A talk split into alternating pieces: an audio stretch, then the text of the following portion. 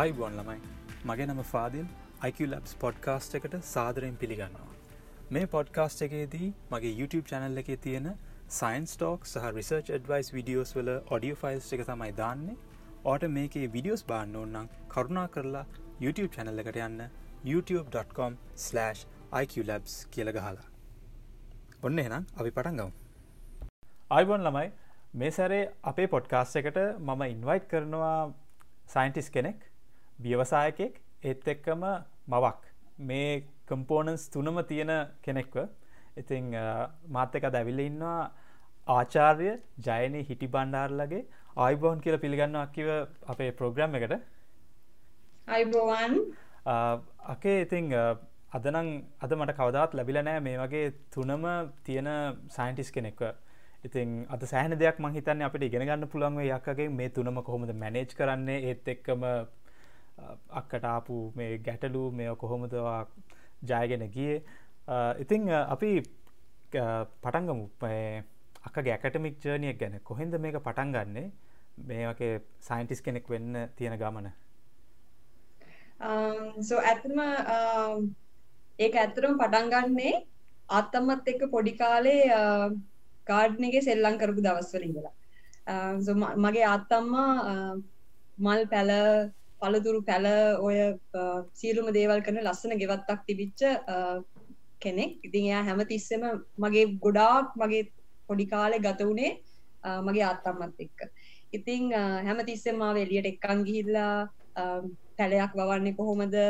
බටු ගහක් හදාගන්නේ කොහොමද? එහෙම නැත්නම් නෑවැලක් ලස්සනට හදාගන්නේ කොහොමද? ඒකේ සීඩ්ස් ටික එකතු කරගන්නේ කොහොමද? ඒක අරගෙන ආය පාරක් ග්‍රෝ කරලා තමන්ගේ පැල ටික ආය හදාගන්නේ කොහොමද? කියන ෆන්ඩමෙන්ටල්ස් මූලික දැනුම මං හිතන්නේ මම එකතු කරගත්තේ මේ මගේ අත්තම්මගේ මුලින්ම මට ඇත්තම වෙන්න උනුකුනේ වෛද්‍යවරිය ඒ මොකද කවදාහරි මගේ අත්තම්ම ලෙඩ වුණොත් එයාට එයාව සනීප කරගන්න මට ඕන වෙච්ච නිසා. මං එයාට හුඟක් ආදරේ. ඉතින් නමුත් දන්නවන් ලංකාවේ තියෙන තාම කම්පිටිටිව්ම විභාගේ මට ඇත්තරම වෛද්‍ය විද්‍යාලයට යන්න බැරි වුණා. ඊට පස්සේ මට ඇත්තරම මේ දන්තේ වෛද්‍ය බැරෙක් වෙන්න සුදුකම් ඇත්තරම ලකුණු ඇතිවට තිබුණා. නමුත් මම ඒකට එච්චර කැමති වෙච්ච දෙයක් නෙමේ මහිතන්න කවුරුත් එකට කැමැත්තෙන් යනවා කියලා. හැමෝම කිව්වා ඩෙන්ටිස් කෙනෙක් වෙන්න එම නැත්තං මේ පශු වෛද්‍ය විද්‍යාව කරන්න ඔස්ට්‍රේලියාවට යන්න පුළුවන් වෙයි කියලා. නමුත් මම ඒ දෙකටම කැමති වුන්නෑ ම ඇත්තටම කැමති වුණේ ජීව වෛද්‍යව ජීව වෛ විද්‍යාඥවරයක් වෙන්න. ඉතින් ඒක නිසා කිසිම අපිට ලැබෙනවන ලොකු ශීට් එකක් ඒක දාන්න තියෙනවන ටික් කරන්න තියෙනවනේ මොකද්ද පළවෙනි කැමැත්ත මොකද්ද දෙවෙනි කැමැත්ත මොකද්ද තුන්වෙනි කැමැත්ත කියලා. දෙපාරක් තුන් පාරක් කිසිම වතාවක් හිතන්නේ නැතුව එකම එකයි ටික් කරේ. ඒ කොළඹ විශ්වවිද්‍යාලය බයෝසයින්ස් එච්චරයි. ඉතින් මේ කොළඹ විශ්වවිද්‍යාලයට මට යන්න ඕනුනේ මොකද මං ගෙදරින් කවදාවත් පිට වෙලා ඉන්න කැමති වෙච්ච නැති නිසා Um, ඉතින් මං ටික් කරා කොළඹ බයෝසයින්ස් um, යන්න. ඉතින් මට ඒකට යන්න ලැබුණා. Um, ඒ uh, ඇතුල් වුණාට පස්සේ මගේ ඇත්තටම ගොඩාක් මගේ uh, ආසාව තිබ්බේ රසායන විද්‍යාව. කෙමිස්ට්‍රි තමයි මම ආසම ෆිල්ඩ එක uh, ඒලවල් කරදදි. මොකද මට හොඳට කෙමිස්ට්‍රි පුළුවන්. ම හරිම ආසාාවෙන් මේ කරපු සබ්ජෙක්් එකක්ම කෙමිස්ට්‍රි නමුත් විශ්වවිද්‍යාලට ගියපු ගමන් කෙමිස්ට්‍රි එච්චර කැමැත්තක් තිබිච්ච කැමැත්ත නැති වෙලාගිය මගේ තුනා එක පාට්ටම දැනුණා මේ අපි මේ අපේ උසස් පෙළ හදාරද්දි අපි ඉගෙනගත් දේවල් ඇත්තටම ඇත්ත නෙමේ මේක ඇත්තටම මෙහෙම වෙන්නේ නෑ. ඉතින් මට හිතුණා දැන් මේ යුනිවර්සිටියගේ අපි ඉගෙන ගන්න දේ ඇත්ත නොවුනොත් මොකද වෙන්නේ? කියන එක. ඒක නිසා අනිතක මම ගොඩාක් ආස කරා සත්තු සහ ශාක ගැන අධ්‍යයනය කරන්න Um, ඒළඟට අපි දන්නවනේ ජාන කියන එක. Uh, හැමෝම දන්න වචනයක් මේ ජීන් ටෙක්නෝලජී ඒ වගේ දේවල් ගැන මං ගොඩාක් uh, හරිම ඉන්ට්‍රස්ට ඩේ දවස්සල ඉතින් ඒක නිසා um, හිතුවා ප්ලාන් බයෝටෙක්නෝලජී එමනතැන් ජෛව තාක්ෂණය කියන um, විෂයධාරාව හදාරන්න ඕනි කියලා. තිමං මට ඇති වෙන්න ලකුණුත් තිබුණා. Uh, ඇත්තරම් කියනවනම් මේ මගේ ලොකුම ප්‍රශ්නය තිබුණීමට හතරවෙනි අවුරුද්දෙදී. මට ෆස් ක්ලාස් එකක් නැතිවී කියලා. මොකද මම පළවෙනි අවුරුද්දේ ඉතාම නරක විදිහට තමයි මේ විභාගවලට මුහුණ දිල්ල තිබේ විශේෂයෙන්ම කම්පියුට සයින්ස් කම්පියුට සයින්ස් කියන එක හරිම ලොකු ප්‍රශ්නයක් වෙලා තිබ්බ. මොකද ඒක එච්චර ආස දෙයක් නෙමේ මම මේ හරිම කැමති නැති දෙයක් තමයි මේ මම ඇතරම අවට් සයිඩ් පර්සන් කෙනෙක්. ම කැමති නෑ කම්පියුටර එකක් ඉස්සර ඉඳගෙන ගොඩක් වැඩ කරන්න. මං එක මට හරිම මේ මේ මොකදකට කියන හරිම අලසයි මගේ වැඩ. ඒක නිසා මට කම්පියුට සයින්ස් කියනදේ හරි කියම නෑ. ඒක නිසා පලවෙනි අවුරුදු දෙකේ මගේ කම්පියුට සයින්ස් රිසල් හරිම අඩුයි. ඒක ඒක නිසා මන් මට ලොකු ප්‍රශ්නයක් ආව. ෆයිනලිය එකේ මේ ෆස් ක්ලාස් එකක් ගණ්ඩ මට ඇත්තටම ඒෝ බෙට ගණ්ඩ වුණා තියෙන සියලුම විෂය විෂයන් වලට ඒක ඉතාම අමාරු දෙයක්. මොකද ෆයිනලිය එක තියෙන ඔක්කොම යුනිට හතරේ කෝසස් ඇත්තන් තුනේ කෝස ඉතින් හරිම අමාරුයි මේ මං හරිම බයෙන් හිටිය මේක කරගන්න පුළුවන් වේද නැද්ද කියලා. මොකද අපිට තිබුණා සබ්ජෙක්් එකක් බයෝමේට්‍රිකල් ජෙනටික්ස් කියලා. හරිම අමාරු ඒ සබ්ජෙක්් එකට මේ ඒකක් ගන්න. හැමෝම කිව හා මේකනම් කරන්න අමාරුයි. මොකද ඩොක්ට තාර කියල ඉන්න අපේ දැන්නම් ප්‍රොෆෙස තාර මහිතන් හරිම තාම අපි කියන හරි භයානක මේ ගැටලු විසදන්න තියෙනවා මේ ජෙනටික්සල ඉතින් මේ ඇත්තට මං නොහිතපු විදියට මේ ්‍රිසාල් සොඳ අරගෙන මට පස් ලාසයක් ගන්න පුළුවන් වුණ. ඇතකොට ෆයිනල් එකත් ඉවර වෙලා ඉතින් අපිට අනිවාරයෙන් ලැබෙනවනේ අවස්ථාවක්. අපේ රිසල් හොඳට තියෙනකොට ෆස් ක්ලාස එකක් ගත්තාම අපිට යුනිවර්සිටි එකේ ඩෙමොන්ස්ට්‍රේටර් කෙනෙක් විදිහට වැඩ කරන්න පුළුවන් ඊළඟට ප්‍රොබේෂනරි ලෙක්චරර් කෙනෙක් විදිහට වැඩ කරන්න පුළුවන්. ඉතින් අවස්ථාව මටත් ලැබුණා. ඒ අවස්ථාව අරගෙන මම අවුරුදු අවුරුද්දක් ඇත්තටම වැඩ කරා යුනිවර්සිටි එකේ. ඊට ඊට අමතරව ඊට පස්සෙත් මට ඕනනම් තව එක්ස්ටෙන්ඩ් කරලා වැඩ කරන්න තිබුණා. නමුත් ඊට වඩා ගොඩක් මොකදකට කියන්නේ? ඇඩවෙන්චරස් ජර්නය එකක් මම තෝරගත් මගේ ගැන පස්සි කියන්න ඔයා ඇත්තරම් නැන ගහන්න. මේක මේ කියන්නක් ප්‍රශ්නයක් නැහැ. මොකද මේ හොඳ ෆ්ලෝ එකක් තිබ්බා.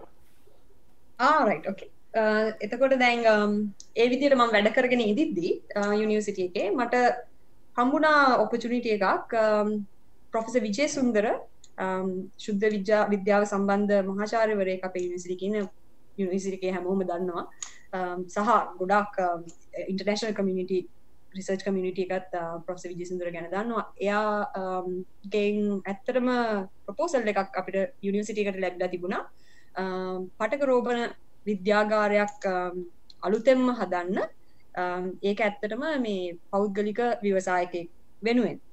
ඉතිං මේ මේ ප්‍රොජෙක්් එක කරන්න ඇත්තටම මේ දීල තිබුණේ හිස් කාමර දෙකක්. ඉතින් එක ටිකක් භයානකයි කියලා මට හිතුන මොකද මේ මුලින්ම අපි නිකන් ග්‍රජුවේට් වෙච්ච ගමම්ම ආව ෆ්‍රෙස්් ග්‍රජුවේට් කෙනෙක්ට එක ලොකු චැලෙන්ජ එකක් වෙන්න පුළුවන්.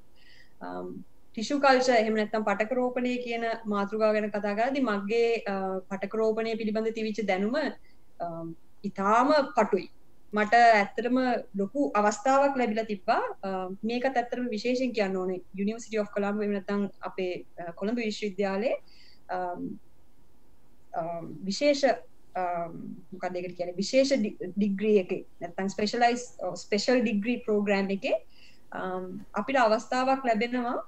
කර්මාන්ත වලට ගිහිල්ලා මාසිකට මාසයක් එකමාරක් විතර ඒ කර්මාන්තවල විශේෂයෙන් දැන් තමන්ගේ ෆිල්ඩ් එකේ බයෝටෙක්නෝලජි නම් බයෝටෙක්නෝලජි ෆිල්ඩ් එකේ um, ඒ කර්මාන්ත ආශ්‍රිත මොකක් හරි uh, කම්පනීකට ගිහිල්ලා මාසයක් එක අමාරක් එතන ඉඳලා ඒක තියෙන එගොලොන් පාවිච්චි කරන ටෙක්නෝලජීස් ඒගොලොන්ගේ සිස්ටම්ස් ඒ දේවල් ගැන ඉගෙන ගන්න.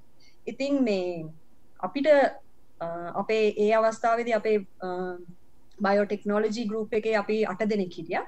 ඉතින් මේ මේ විශේෂ අට දෙනාට ඇත්තරම අවස්ථාවක් ලැබුණේ තමන්ට අවශ්‍ය දේ ගන්න. අපිට අපිට අවස්ථාව ලැබුණේ ඔන් තුන්ඩු කෑල්ලකින් ඒක තෝරගන්න. ඉතින් මාව අරනිකං දයිවයෙන් යවන තැනකට වගේ මට ලැබුණේ ඇත්තරම පටක රෝපණය ගැන ඉගෙන ගන්න හරි ඉගෙන ගන්න ගැන ඉන්ඩස්ට්‍රී එක්ස්පිරියන්ස එක ගණ්ඩ ලොකු ලංකාව තියෙන ලොකුම පටකරෝපන කම්පනීස් දෙකක්. ඒ දෙකේ හා එකනෙ සති තුන තුන වගේ. ඒ ඒව ගිල කාලය ගත කරලා මැනේජමන් ප්‍රක්ටිසස් ගැන ඉගෙන ගන්න. ඉතින් මේ මං ඉතින් ඉතාම අකමැත්තේ ගියා. නමුත් ඒ ගියාට අකමැත්තෙන් ගියාට ඒ අවසාන වෙද්දී මං හරිම මේ ගොඩාක් දේවල් ඉගෙන ගන්න පුළුවන් වුණා. අලුත්ම දේවල් මොකද පටකරෝපණය කියන එක අපිට ඉගැන්නුවට යුනිවසිටියගේ සබ්ජෙක්් එකක් විදිහට ඒක ප්‍රක්ටිකල් සයිඩ් එක එක ඇත්තටම ඉන්ඩස්ට්‍රී එකදීක කොච්චර ලොකුයිද? ඒව එන ප්‍රශ්න මොනාද ඒක තියෙන බැරෑරුම්කම. එක ඇත්තනම අපි මොකද කැන ලයිව් ප්ලාන්ස් එමනත්තම් පණ තියෙන දේවල් එක වැඩ කරද්දී අපි මූුණ දෙන්නේ තාම ලොකු ප්‍රශ්නවලට. සහ විශේෂෙන් ඒක බිස්නස එකක් වුණහම ඒකේ තියෙන වෙලාවල්වලට අපි කරන්න ඕන දේවල් මොනාද අපි ඇත්තටම ගණ්ඩෝන ක්‍රියාමාර්ග මොනාද? ඒක ඉතාම ප්‍රොෆිටබල් බිස්නස් එකක් විදිර කරන්න අදදි කියන ලොක්කු දැනුමක් මට ලෑබුණ. මට මතකයි ප්‍රොෆෙස තාර මම ආව ගමන් ඇහවා කොහොමද ඕගලන්ගේ ඉන්ඩස්ට්‍රි ට්‍රේනිං එක කිය එතකොට මම විනාඩි විස්සක් විතරරං එක්ස්පලේන් කරම ඉගෙන ගත්ත දේවල් ඔක්කොමටික මැඩම්ට මොකද ඒ හරීම ගොඩාක් ලොකු දේවල් ඉගෙන ගත්ත තැනක් මගේ ජීවිතේ. ඉති මං කියාගෙනාවේ ඒ ඉගෙනගත්ත දේවල් ටික පාවිච්චි කරන්න මට අවස්ථාවක් ලැබුණ. ඉතාම දුරලබ අවස්ථාවක් සාමාන්‍යයෙන් ෆ්‍රෙස්් ගැජුවට් කෙනෙක් ලැබෙන. නමුත් ඒ අවස්ථාව මට ලැබුණා ප්‍රොෆ්ස විජේසුන්දර මගින් ඇහවා මේක කරන්න පුළුවන් කිය ති මම ඒ ඒ අරගෙන ටිකක් ස්ටඩී කරල බල්ල ගෙදර ගිහිලා තාත්තත් එක් තමයි ගොඩක් එකතු ම තාත්තර කතා කරල කිව්වා. මෙහෙම එකක් තියෙනවා. මං යුනිවසිටි කරිය එක අතෑරලා මේක පටන් ගණ්ඩද කියල තාත්තගේ ඇහවා මේක කරන්න හොඳ දෙයක්ද? එයාගේ අදහස මොකක්තික තාත්ත කිවා මං හිතන්න මේක තමයි වාට ලැබ ජීවිතය ලැබෙන අවස්ථාව. ඒ අවස්ථාව ප්‍රයෝජනයට ගන්නවද නැද්ද කියන එක ඔයාගේ තීරණයක්. නමුත් තාත්ත මට උපදෙස් දුන්නේ චැලෙන්ජ එකක් ගන්න එක වඩා හොඳයි. සිකියෝ තැනක එමනත්තං අපිට ඉතාම සුව පහසු ඉන්න තැනක ඉන්නවට වඩා චැලෙන්ජ එකක් ගන්න ඉතා හොඳයි කියලා. ඉතින් මේ ඒ තාත්ත කියපු දේ ටිකක් මගේ හිතර වැදුන. ඒක නිසා මම තීරණය කරා ඒ චැලෙන්ජක බාරගන්නවා කිය ඒහෙම තමයි මගේ කරිය එක මං කියන්නේ පටන් ගත්තේ. නමුත් එක පාරටම යුනිසිටේ ප යුනිසිටේ බියසි ඩිග්‍රිය කිවර වෙච්චක මං අවුද්දක් එකමරක් වැඩ කරට පස මගේ ඇකඩමි කරිය එක එක පාට මෙතනින් නැවතුනා එක්ස්මයාගේ එකන්නේ වාට ඕමනාවක් තිබ්බම නැද්ද මේ පට එකට යන්න? PhD එකට යන්න වුවමනාවක් තිබුණා. නමුත් යුනිවසිටියගෙන් අයින් වෙනකොට ප්‍රේම සම්බන්ධයක් පටන් ගත්තා. ඉතිං ඒ දේවලුත් ආවට පස්සේ ඇත්තට මිතින් අර අපේ තියෙන මං කියන්න ඒක මේ PhD එකට යන්න ආසාවක් නැතුව තිබුණ කියලම ගොඩාක් PhD වලට මිකැන පිටට පිටවටවල ප්‍රොසෙස්ට ගොඩාක් ලියුම් ලියලා දේවල් කල්ලා ස්කොලශිපයකුත් මට හම්බුණා. නමුත් මම ඒක බාරගත්ති නැහැ. මොකද මට හිතුණා ඒ අවස්ථාවේ හැටියට විවාහ වෙලා ඒ ජීවිතේ සාමාන්‍ය ගෑන් ළමිකුගේ වෙන්න ඕන ඒ තියෙන ඒ කාලය ඇතුළත වෙන්න ඕන දෙවලුත් කරන එක ගොඩක් හොඳයි කියලා. මොකද ජීවිතයේ ඇත්තටම අපි ගෝල්ස් වලට යන අතරම අපේ ජීවිතේ විඳින්නත් ඕනේනේ අපි. සහ අපේ දෙමව්පියෝ අපෙන් බලාපොරොත්තු වෙන දේවල් තියෙනවා. ඉතින් ඒක නිසා ඒ අවස්ථාවේදී මට ඇත්තටම හිතුණා ලංකාවේ ඉඳලා විවාහ වෙලා දරුවෙක් හදලා ඒ ටික ඒ අවස්ථාවේ කම්ප්ලීට් කරන්න ඕන කියලා. හැබැයි මම ඇත්තටම හිතනවා ඒ මට ලැබිච්ච ඒ ටිෂු කල්චර් ප්‍රොජෙක්ට් එක මාව මාව මගේ සයින්ටිෆික් කරිය එක නැවැත්තුවට මයි මයි ප්‍රක්ටිස් ඉන් සයන්ස් කියන එක එහෙම්මම තිබුණ. මොකද මට තිබුණේ ඒ මට දීපුේ හිස් කාමර දෙක විද්‍යාගාරයක් බවට පත් කරන්න. මම ඇත්තටම එතන වෙරි ප්‍රක්ටිකල් සයින්ටිස් කෙනෙක් බවට පත් වුණා. ඒ අවස්ථාවේදී මේ මං හරීම මේ ආසාාවෙන් වැඩ කරා. මා අවුරුදු අවුරුද්දක් විතර කාලයක්. නමුත් මාස හයක් විතර වෙනකොට ඒ ප්‍රොජෙක්් එක සම්පූර්ණ ඉවර කල්ලා Um, සියලුම පොටකෝල්ස් ටික කැනෙ ටිෂු කල්ච එමනතම් ජී පටකරෝපන කරන ඒ uh, මාධ්‍යයන් ඒ සියලු දේවල් uh, ඩිවලප් කරලා පැල එලියට ගන්න තරමට um, මගේ රිසර්ච් එක හොඳට කල්ලා ප්‍රඩක්ෂන් ස්කේල් එකට ගන්න පුළුවන් වුණා. අකේ මේ සොරි ඉන්ටරක් අට දැම් ටිෂු කල්ච ගැන කතා කරට ඔය හිස් හිස් කාමර දෙක ලැබ්ස් බවට කනුවට් කරන්න අක්කට මෙශීනරි ගැන නොලෙස් තියෙන්න්න ඕනේ එත් එකම හිවමන් රිසෝස් මැනෙජ්මන් තියෙන්න්න ඕනේ. මෙ කොහොම දක්ේ මේක වෙලාාවයාපු නොලෙජ්ජකද නැතයි දයිනම්ම තිබද ඇද දැන් මෙහෙමයි මල්ලි. මම ඇත්තරම කියනවන මම මේ තාත්තගේ කොල්ලා. තාත්ත හැමතිස්සම කරන හැම දේටම මාව හවුල් කරගත්තා. එකන්නේ අමගේ අම්ම වැඩ කරන කැන ජොබ් එකට ගිපු කෙන ගේ අප වැඩිය ගෙදරන්නන්න දවත් දවල්වරුම තාත්ත තමයි ගොඩක් කලාවට මගෙත් එක්ක හිටියේ දවල් වන් ගෙදරන්න වරුවට. සහ අපේ තාත්තා හරි කැමති ගෙවල් හද එයා ගෙවල් තුනක් විතර හදල් තියෙනවා. ඉතින් ඒ ගෙවල් හදනකොට ඒවැ බ්ලොග්ගල් හදන බ්ලොග්ගල් හදනවා. ඒවට මං හවුල්ලා තියනවා ඊළඟට ගෙදර වෛරීන් කරනේවට තුොට කොන්ක්‍රීට් දානේවට යත් එක්ක ඩිසයින් අදිනේවට ඒ සියලුම දේවල් මං හිතන්නේ තාතමාව ගොඩාක් එකතු කරගෙන මට ගොඩක් ස්කිල්ස් දුන්න මම නොදැනුවත්වල.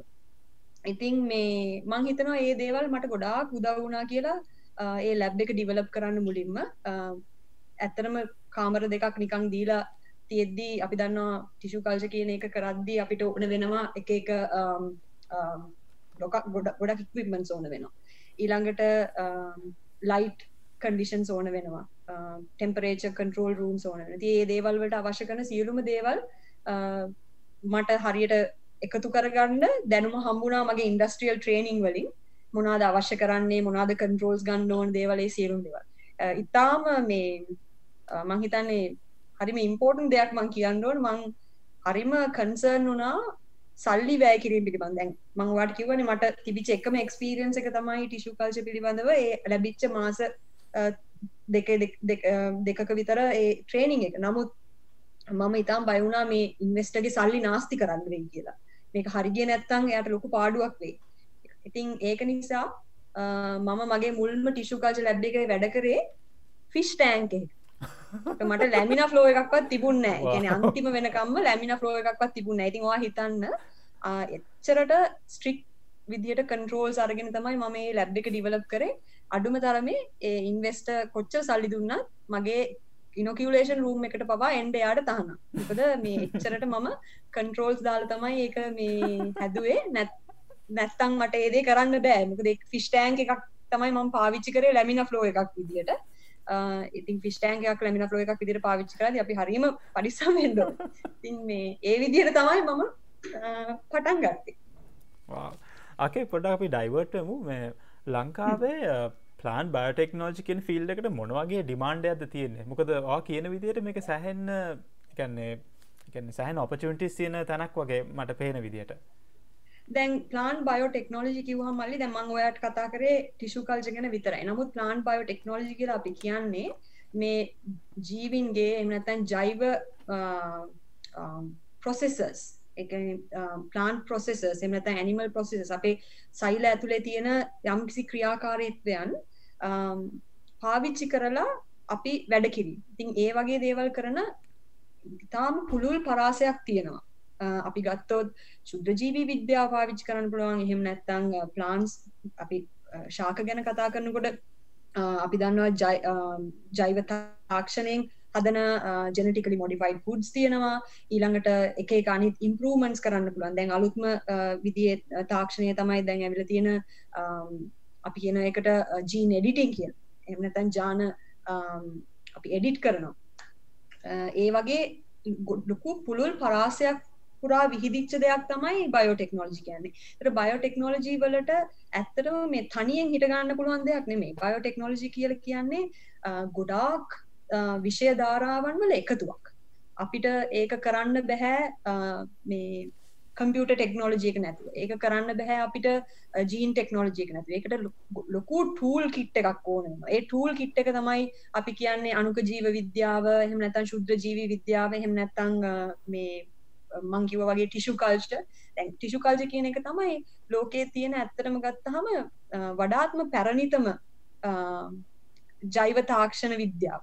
එක්දස් නමසය මහිතන හැට දෙකේ වගේ කාලෙ තමයි එක පටන්ගත්තේ ඉති ඒක අපි කියන කන්වෙන්ශනල් බයෝටෙක්නෝජි දැන් ඒක ටිෂු කාජක් කියන ඇතර මම කරනදේ ඉතාම මේ පැරණි මේ ඒන්ෂන් ටෙක්නෝලජික තම ම පාවිචි කර නමුත් ඒකත් ඉතාම වේගෙන් මේ පුළුල් විදිහට දැන් ව්‍යාප්ත වෙනවා. එකැන ඒක තියෙන අපිට ඒක යොදාගන්න පුළුවන් දේවල් ගොඩක් වැඩි. ඇන් ඔය අහපු ප්‍රශ්නට උත්තරේ දෙන්න ලංකාවේ අපි ගත්තොත් කෝමද කියලා. ලංකාව කියන්නේ ජෛව විවිධත්වය අතින් තාම මේ අංඒකට කියන්න මට එකට කියන්න වචනයක් නෑ ඇත්තර මේ ඉතාම පෝෂිත රටක්. ඉතින් අපේ රටේ තියෙන ඒ ජෛව විවිධත්වය තියෙන ජීවින් කියල ගත්තාම ඒගොල හරිම ෆැසිනේටිං මම මේ ෆැසිනේටිං කියලා කිව්වේ ඒගොලොන්ගේ තියෙන ඒගොලොන් දේවල් කරන්න කරන විදිහ අපිට හිතා ගන්නවත් බැහැ. සමහරත් දේවල් අපි හිතනවා දැමං ඔයාට පොඩි පුංචිම පුංචි උදාහරණයක් දෙන්නම්. මේ ඉතාම මෑතක දවසක මේ මම මේ යනිසිට of කීන්ස්ලන් වල වැඩ කරන තව මගේ යාළුවෙක් මට කතා කරල කිවා මේ එන්න මං මාලු අභිජනනය කරනවා. මේ නීමෝ කියන එක්කෙන දන්නවන්නේ හැමෝම නේද? නීමෝ කියන මාලුව කලවන්් ෆිස් ඔව් එයා සොරි කලවන්් ෆිස් කෙනෙක්න යට කියන්නේ නීමෝ? ඔවු මේ නීමෝ. එයා දැන් එයා අභිජනනය කරන ඇති මං හරි ආසයි මම හරි මාස දෙයක් තම මේ මාලු අභිජනය කරන ම පොඩි කාලෙ මං ආසාාවෙන් කරපු දෙයක් එක මේ ඉතිං මං ඉතින් ගියා බලන්න. මං එදා දැනගත්තා නීමෝ කියන මාළුවා ඇත්තටම ඉප දෙන්නේ හැම මාළුවම පිරිමි සතෙක් විදිහටලු. හරි? සහ ඒගොලො ලොකු වෙනකොට ඒගොලො මැචුව වෙනකොට තමයි ඒගොලන්ගේ ජෙන්ඩ එක වෙනස් වෙන්නේ. හරිද? තැන් අපි හැමදිස්සම ට්‍රන්සෙක්ස් ගැන කතා කරනවා. ඒ දේවල් බලන්න ඇත්තටම ලෝකයේ සත්තු අතර තියෙනවා. ගොඩාරිය දැන් එගොලන්ගේ ගොඩාක්ම මැචුව ස්ටේජ්කටාවම තමයිලු නීම මාලුව ගෑනු සතෙක් බවට පත්තේ ඉතින් මේ ඉතින් මම මං කියන එකයි ජෛව විවිධත්වයෙන් අපි ජීවීන්ගෙන් ඉගෙන ගන්න දේවල් ඒවා අපිට ගොඩාක් කර්මාන්තවලට පාවිච්චි කරන්න පුළුවන්. ගොඩාක් දේවල් දැන් සමහර අපි ගත්තොත් සමහර එන්සයින්ස් වර්ග සතුන් සහ ශාක දෙකම දෙගොලම ගත්තාම ඒගොලොන් පාවිච්චි කරන විතාම මේ අමුතු විදිහ එන්සයිම වර්ග අපිට පාවිච්චි කරන්න පුළුවන් කර්මාන්ත සඳහා. තව එක්සාම්පල එකක් විදිර අපිට ගන්න පුළුවන් ඒගොලොන් හදන පිගමන්ස් එහෙම නැත්තං අපි කියනවා ඇන්ටි ඔක්සිඩන්ස් ඒ වගේ දේවල් ඒවා මේ මේ ජෛව තාක්ෂණය පාවිච්චි කළ අපිට කරන්න පුළුවන් ලොකු දේවල්. ඉතින් මේ මංහිතන්නේ ලංකාව විදිර ගත්තාම අපේ තියෙන රිච් බයෝ දයිව සිටිය එක ගැන අපි හිතල බැලුවත් ජෛව තාක්ෂණයෙන් අපිට කරන්න පුළුවන් දේවල් Um, මෙච්චරයි කියලා කියන්න බෑ.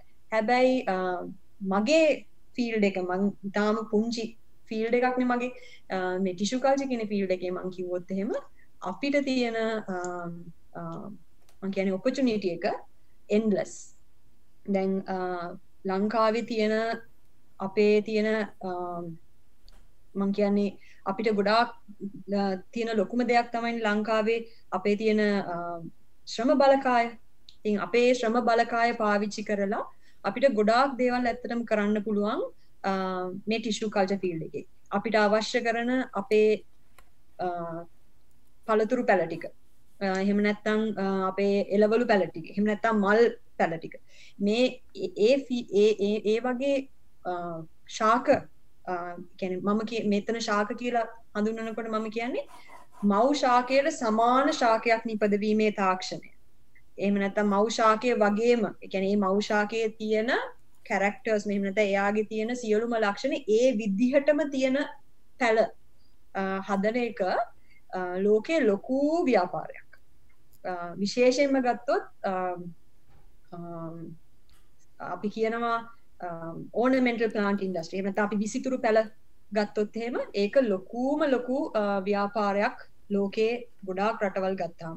නමුත් අපි මං හිතන්නේ ඒකේ එච්චර ලොකු තැනකට තාම ගිහිල්ල නෑ. මොකද මම හිතනවා මේ විවසායකයන්ගේ අඩුපාඩුව සහ පිට රටවල් වලට අපිට අපි කියනවන ඒක මේ ජාත්‍යන්තර වෙළදාමට අපිට දොර ඇරෙන ප්‍රමාණය අඩුයි. මොකද අපි ගොඩාක් වෙලාවට හදන නිපැයුම ලොකු එන්ඩෝනේ අපිට ලොකු දොරවල් ඇරෙන්ඩ තිං ඒ ඒක අපි ගොඩක් වෙලාවට ඉතාම පොඩි පොඩි පොඩි විවසායකයන් කීප දෙනෙක් එකතු වෙලා හරි එක ලොකු විවසායකකත් තනියෙන් කරන්න පුළුවන් දෙයක් නෙමේ ඒකට අපි ලොකු සහයෝගයක් ලැබෙන්ඩෝනේ මහිතන්නේ රජයෙන් සහ අපි අපි එකමුතු වෙලා වැඩ කරෝ ඇත්තටම ඒක ලොකු ඉන්ඩස්ට්‍රී එකක් විදියට පෙරලන්න පුළුවන් දෙයක් තමයි මේ මං කතා කරන ටිෂු කල්ජ කියන ඒරිය ඊට අමතර ඔය අහපු ප්‍රශ්නය අනිත් බයෝටෙක්නෝලජී සයිට් එකෙන් ගත්තාම අපි දන්නවා දැන් මම ළඟදිත් දැක්කා මේ යුනිවර්සිටීස් වලින් ගොඩක් කැන්ස ප්‍රවෙන්ෂන් ්‍රග්ස් හදනවා. ඒවගේ දේවල් කරනවා. ගොඩක් දේවල් වෙනවා ලංකාව රිසර්ච් දැන් එන්ඩ එන්න ගොඩක් වැඩි වෙනවා.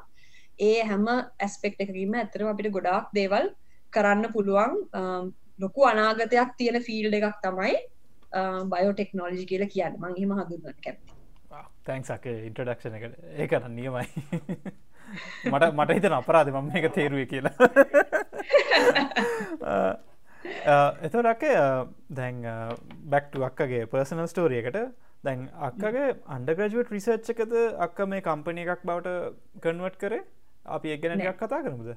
දැම් මගේ නැමං කිව්වන මට ඇත්තරම තිබුණේ පොඩි වුණක් ජෙනටික්ස් සහ DNA DNA සහ ජෙනටික්ස් කියන දෙක තමයි අර නිකං හැමදාම උදේට නිකං හිතට එන හීනෙන් පේන වචන දෙක. ති ඒකට අදාළ මොකක්හරි රිසර්ච් එකක් තමයි මට හැමතිස්සෙම තෝරගන්න අවශ්‍යතාවයක් වුණේ ඉතිං මගේ විද්‍යාවේදී උපාදයේ ප්‍රොජෙක්් එක විදිහට මාස හයක් විතර අපි කරනවා. ඉතාම සීරියස් ප්‍රොජෙක්් එකක් එක ඒ ප්‍රොජෙක්් එකට මම තෝරගත්තේ ඩ්‍රව් රෙසිස්ටන් ස්ක්‍රීනිං සිිස්ටම් එක ඩිවලප් කරන එක ලංකාවේ වී ප්‍රබේදවට ලංකාවේ ගොඩක් පැතිවල තියෙන ප්‍රශ්නයක් තමයි මේ වියලි කාලයේදී um, වියලි කාලයේදී කැනෙ අස්වැන්න අඩුවීම කියන එක ලොකු ප්‍රශ්නයක්. ඉතිං uh, අපිට තිබුණේ නෑ ඒ දවස්වල මේ කොහොමද මේ මොන මොන කැරක්ටර්ස්ද මේ වියලි වියලි දේශමයට ඔරොත්තු දෙන වී uh, uh, වර්ගවල තියෙන ලක්ෂණ මොනවද? ඒවා අපි කොහොමද හොයාගන්නේ? කියන දේ කියන එක ලොකු ප්‍රශ්නයක් වෙලා තිබුණා. ඒ කියන්නේ ඒක ගැන ගොඩාක් මේ මේ පර්යේෂණ ජාත්‍යන්තරවත් ලංකාවෙත් ගොඩාක් කරා. ඉතින් ඒ ඒ කරන අතරතුරේ තමයි මේ මගේ ප්‍රොජෙක්් එක මට මම කරේ. ඇත්තරම ඒ ස්ක්‍රීනිං ප්‍රොසීඩිය එකක් හදන එක. හරිම මං එකට කියන්න කැමති මේ කදකට කියන කාලය හා ශ්‍රමය ගොඩාක් වැෑවෙච්ච ප්‍රොජෙක්් එකක් එක මට. මට ඒ වෙනුවෙන් ඇත්තරම හදන්න වුණා යුනිවසිටිය එකේ ග්‍රස් හවස එකේ පලොට් එකක්. එස්ලෝන් බට පලට එන් කැප්ස් ගහලා හයි කරලා මම මේ හැදවා පොඩි බ්ලොක් එකක්. මං තනියෙන් සහ යසිත් උදවත්ත කියලා මගේ යුනිසිටික යාලුවමට හරියට උදව් කරයකට ඒකේ පස් පුරවලා අවශ්‍ය කරන වතුර ප්‍රමාණය ඉතාම සුළු ප්‍රමාණයක් මැනපු ප්‍රමාණයක් එක එක ගස්වලට දාලා වී ප්‍රබේද කීපයක් වවලා පොඩි ඉස්ලෝන් බට කුබුරක් හැදුව මම මේ කැම්පස් එක ගලාස් හවස එක. හරියට හරියට කැනෙ ඉතාම ආසාාවෙන් කරපු ප්‍රොජෙක්් එකක් ඒක. ඩොක්ට අනිල් ජයිසේකර තමයි මගේ සුපවයිස හරිම හොඳ අවට්කම් සාවයේ ස්ටඩිය කෙනු ඇත්තරම මේ පර්ේෂණ පත්‍රිකා දෙකක් විතර ලියන්න තරම් දත්ත එකතු වුණා. නමුත් ඒක අපි දිව්වෙන හැ නමුත් ඇතරම මේ හොඳ දන්නවා ජනල් ජනස් අනිල් ජයසේකර කැන ඉතාම මේ කාර්ය බහුල දෙක්ෂර කෙනෙක්. ඉතින් මේ නමුත් ස ගොඩාක් උදව් කරා. සහ මට ලොකු අවස්ථාවක් ලැබුණා මේ ලංකාවේ වී පර්ේෂණ Um, ආයතනය බතලෙගොඩ um, කීප වතාවක් ගිහිල්ලා um, Nimal uh, doctor Nimal එක් එහෙම ගොඩක් සම්බන්ධතාවය නැති කරගෙන වැඩ කරන්න ගොඩක් දේවල් ඉගෙන ගත්ත ප්‍රජෙක්් එක ඒක තමයි මගේ බයෝටෙක්නෝලජි සොඩ uh, ඒ සයිඩ් එක ප්‍රජෙක්් එක. මට මතකයි මේ uh, මහිතනේ දෙදස් නමේ දෙදස් නමේ වගේ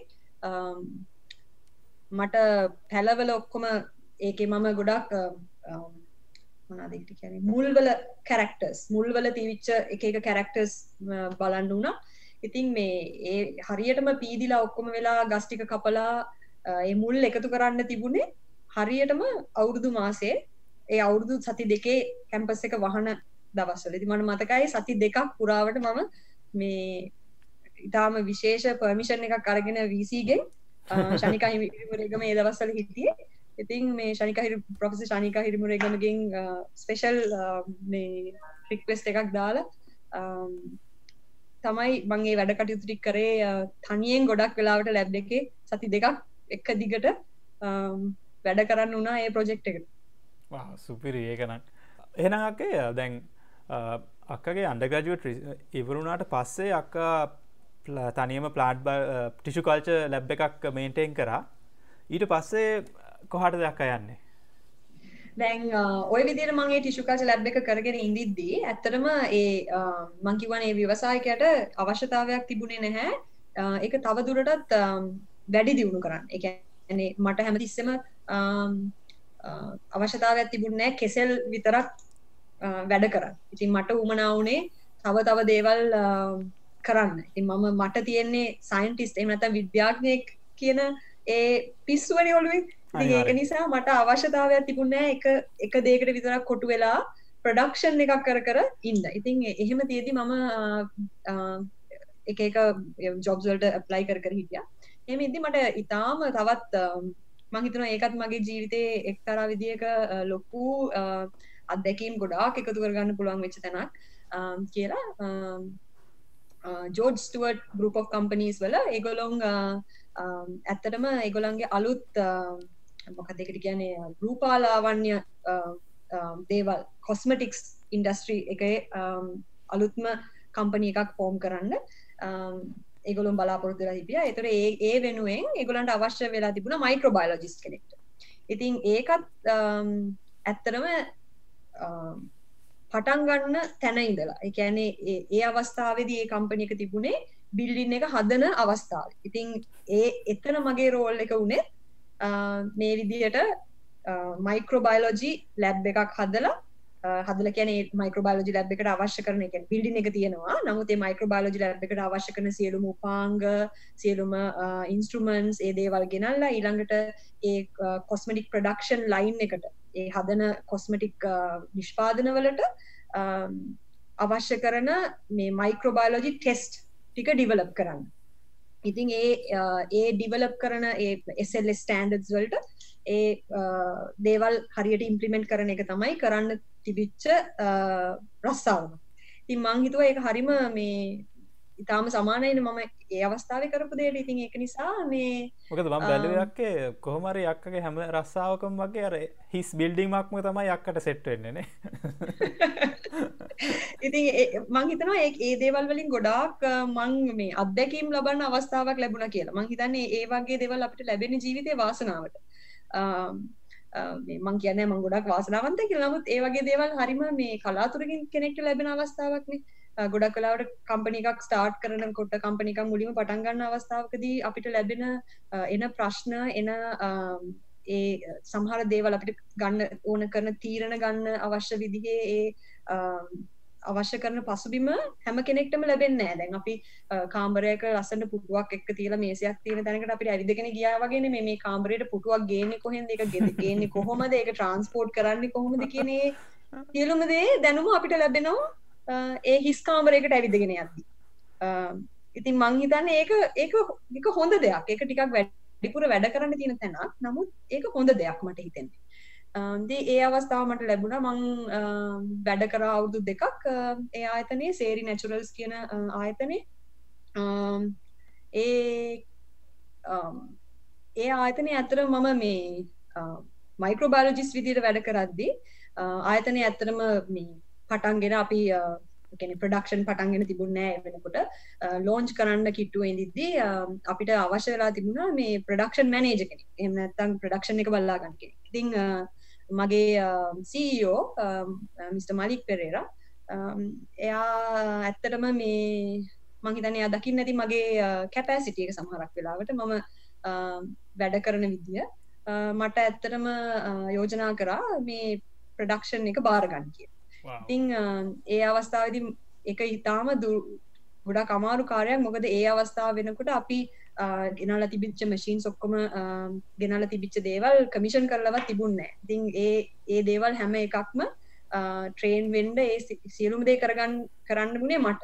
තිං මාවයි හැම මැසින් එකටම වැඩ කරන්න කොහොමද? පිලිං මශීන් එතකොට කොස්මටික් සදන ලොකු මංතන් ලීට දාහක් විතර ලීට දාහ විතර මශීන් ඒ මශීන්ස් වල කොහොමද වැඩ කරන්නේ? එතකොට කම්ප්‍රෙෂර් එක ජෙනරේටර් එක බොයිලර් එක ඔපරේට් කරන්නේ කොහොමද? ඒවට ලයිසන්ස් ඒ සියල්ල මට ලබාගන්න අවස්ථාවක් කමුණා මේ ඉංජිනීරුවත් එක්ක වැඩ කරලා චීනෙන් ආව ගොඩක් ඉංජිනියසත් එක වැඩ කරලා ලොකු අත්දැකීම් ගොඩක් ලබාගන්න පුළුවන්ුණ ඊට අමතරව මේ මහිතන සේරි නැචුරල්ස් ගැන ඉතාම හොඳ ආයතනයක් මේකෙනමින් ගොඩාක් හිටපු සේවකයන්ට ලොකු අවස්ථාවන් ලබාදිපු ආයතන එකගොලොන් අපි ප්‍රමෝෂනල් කැම්පේන්ස්වලට පවා සහභාගි කරගත් ඉතින් සමහරක් වෙලාවට මේ මගේ සීෝ කිප් කතාවක් තමයි මේ ප්‍රඩක්ෂන් මනේජ හමත මයික්‍රබාලජිස් ගිහිල්ලා ප්‍රඩක්් එකක් ප්‍රමෝට් කරන එක. සමහරක් වෙලාට ඉතාම එක ආකර්ශණය දෙයක්. මොකද තවන්ගේ කස්ටමර්ස්ලා ඒවගේ අයට කතා කරන්න කැමති. අපි තමයි මේ ප්‍රඩක්ෂන් එක මේක හදන්න. ඉතින් අපි ඒ හදනදේ අපි ඇත්තරම හිතින් කතා කරනවාන. අපි ඇත්තර මේ ප්‍රඩක්් එක තියෙන ගුණ අගුණ ගැන ඇත්තරම හොඳට කතා කරනවා. ඒක නිසා මේ ගොඩක් මාකටිං අත්දැකීමකුත් මට ලබාගන්න අම්බුණා මේ සේරි නැචුරල් සාහිත මන්නං හිතන්නයකේ මේ අක්ක මෙච්චර කාලයක් කරපුදේ සාමාන්‍යයෙන් මේ සයින්ස් රජුවක් කෙනෙක්ට කරන්න ලැබෙනවා කියලා. ඒ කියන්නේ අක්ක සයින්ටිස් කෙනෙක් පස්සේ මැනේජ කෙනෙක් පස්සේ මාර්කටිං සයිඩ් එකෙත් ඉඳලා තියෙනවා. ඉතින් වව් මන්න සෑන් මංහිතන මේ හරිම දුර්ල බවස්ථාවක් එක මං තව දෙයක් කියන්නුන මම මේ මං අර මං අඩකිවට ඉසල මම මේ ටිෂු කාච කම්පනය එකක් ටිෂු කාච ලැබ් එකක් පටන් ගත්ති කෙරේ ඒ ලැබ් එකේ වැඩ කරන ගම මට ඇත්තර වාසාවක් තිබුණ. මගේම ටිෂු කාච ලැබ් එකක් දාලා එන්ට ප්‍රනයෝ කෙනෙක් විදිහට ඇත්තරම මේ සල්ලි හම් වෙච්ච කාලෙක මම ඉතාම මධ්‍යම පාන්තික කෙනෙක්. ඉතින් මට ලොකු සල්ලියක් තිබුණේ ඉතින් මේ ඒ අවස්ථාවදි මට කරන්න බැරි වුණත් මට අවස්ථා මට අවශ්‍යතාවයක් තිබුණ කවදහරි දවසක මේ මේක කරන්න ඕනි කියලා. මගේ තවමත් තියෙනවා. මගේ ගාවේ ඩයිරිය එක. මං මගේ ටිෂු කල්චර් ලැබ් එක ඇඳපු ඒ ඩයිරිය එකේ ඇඳලා තියෙනවා මේ විදිය ටිෂු කල්චර් ලැබ් එකක් තමයි මම හදන්නේ. මේ වගේ දේවල් තමයි මම ඒක කරන්න කියලා මගේ ඩයිරිය එකේ මම තාම ලියපු ඒවා මගේ ගාව තියෙනවා. හැමදාම උදේට මම ඒක ගැන හිතුවා. මම රෑට නිදා ගන්න යනකොට මම ඒක ගැන හිතුවා. මේ 2000 එකොළහේ විතර කාලෙ මම මේවාට කතා කරන්නේ. ඒ ඒ කාලේ. මේ එහෙම හිතුවා.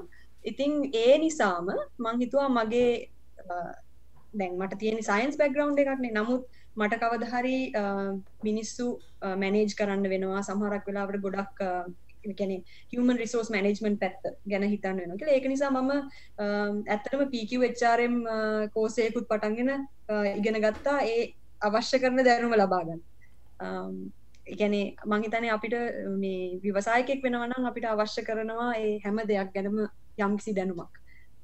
ඉං මහිතන මට ෆන්ඩමෙන්ටල් නොලේජ්ජික ඒ පෝසස් වලින් ලැබුණා. මං ඒ තව දේවල් ඉගෙන ගත්ත නිසා මේ සයින්සල්ට අමතර. සෝ සේරි නැචුරල්ස් වලින් පස්සේ ඊට පස්සේ මොකක්ද උන්නයක්කේ දැන් සේරි නැචුරල්ස් වලින් ඇත්තටම අයින් වෙනකොට මට අවුරුද්දක බබෙක් ඉන්නවා. ඉතිං මේ ඇත්තරම මේ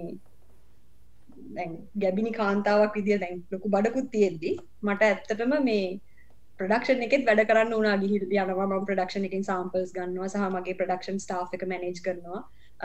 සහ කැනෙ අපි ප්‍රඩක්ස් හදද්දි අපි කැනෙ ඒවා හරිම මේ රහසිගත වට්ටෝරුනේ.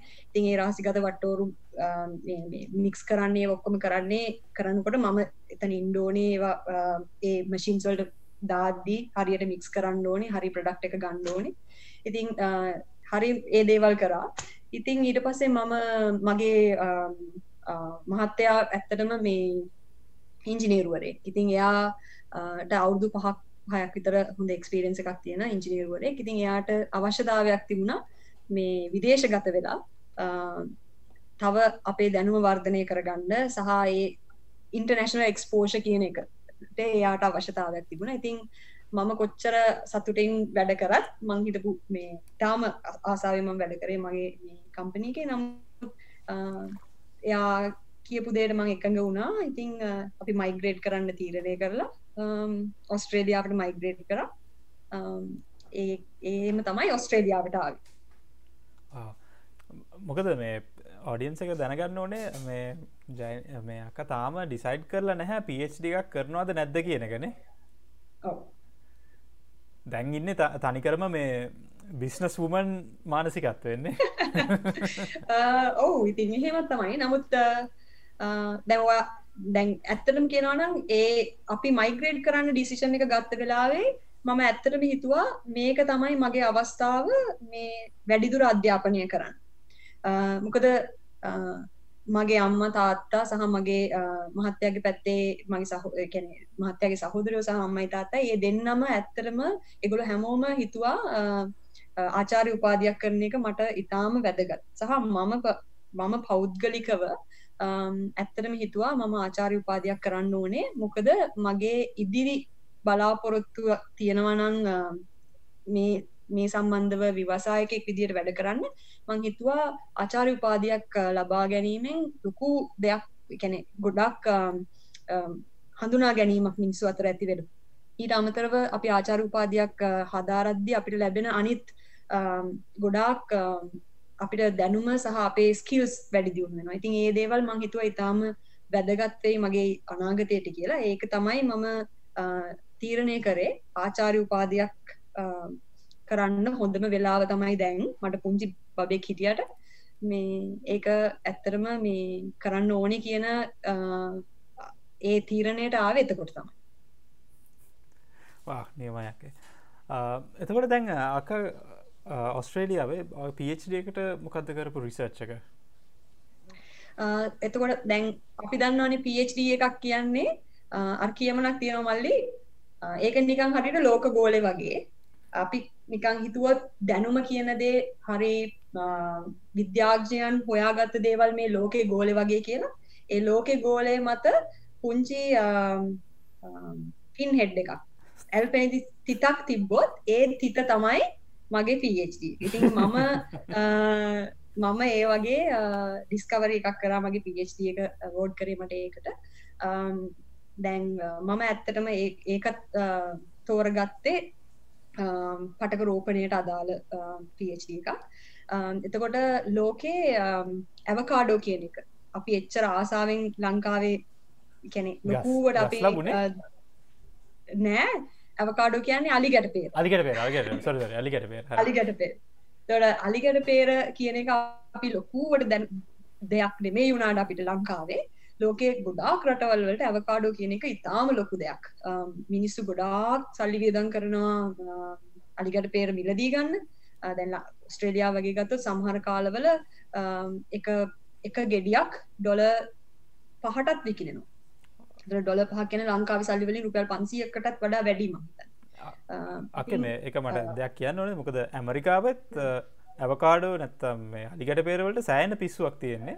එක මෙක්සිකෝවලින් ගෙන්න්නන්නේ ඒ කියන්නේ මේ එහෙ කුඩුකාරයෝ මේ එකලන්ගේ මේ ඩ්‍රක් බිස්නස එක කොකේන් බිස්නස එක නවත්තලා අලිගට පේරවලට බාගට පේර ඕ දැන් අපි අත්තරම් ගෙන අලිගට පේරවලට කියන්නේ ලික්විඩ් ගෝල්ඩ ඕනතන් සොරි ග්‍රීන් ගෝල්ඩ් කියලා අලිගට පේරවලට අපි කියන්නේ ග්‍රීන් ගෝල්ඩ් කියලා. කියන්නේ එච්චරට ඒක වටිනවා.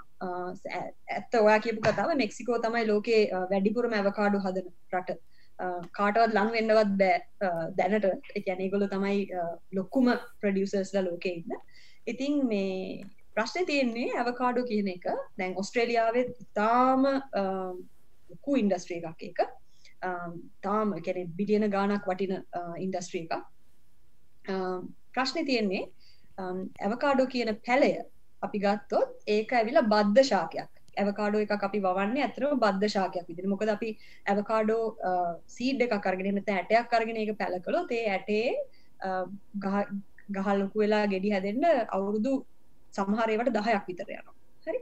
ඉතින් uh, ලෝකේ හැමෝම කන්න කැමති වරායිටි එක තමයි හැස් කියලා කියන්නේ. කියන්නේ ඒක තමයි මේ අපි ලංකාවේ එච්චර ඒක ගැන කතා නොවුනට අපි ඇමරිකාව ගත්තොත් ගොඩක් ඇවකාඩෝ පාවිච්චි කරන රටවල් ගත්තොත් එහෙම හැස් කියන වරායිටි එක තමයි කනවරයිටියක විදියට පාවිච්චි කරන ඒක හරිම බටර් වගේ රසක් තියෙන්නේ. අපි වගේ සීනිත් එක්කන මේ ඇවකාඩු කන්න මිනිස්සු. එගලොම් ටෝස්ට එකුඩ තම ඇවකාඩු කන්න. එක මේට මේ එකනිකන් එලවලුවක් වගෙන එලවලුවක් විදිට ඒගොලොන් එක පාවිච්චි කරන ටෝස්ට එකක් ඒගැන ඒක පොඩ්ඩක් ස්මෑෂ් ඇවකාඩෝ කිව් හම තමයි ඒගොලොන්ට ඇවකාඩෝ කිවොත් ස්මෑෂ් ඇවකාඩු ඒක තමයි ඒගොලන්ගේ කෑම්. ඉතිං uh, මම මට මේති මගේ ප්‍රශ්නය මගේ පD එකේ තියෙන ප්‍රශ්නය තමයි ඇත්තටම uh, මේ පැල හදද්දි ඇවකාඩෝ පැලයක් හදද්දි අපි ඇවකාඩෝ ගහකින් uh, මංකිවන එක බද්ධශාකයක් කියල. තුර මේ බද්ධශාගේ යට තියෙන්නේ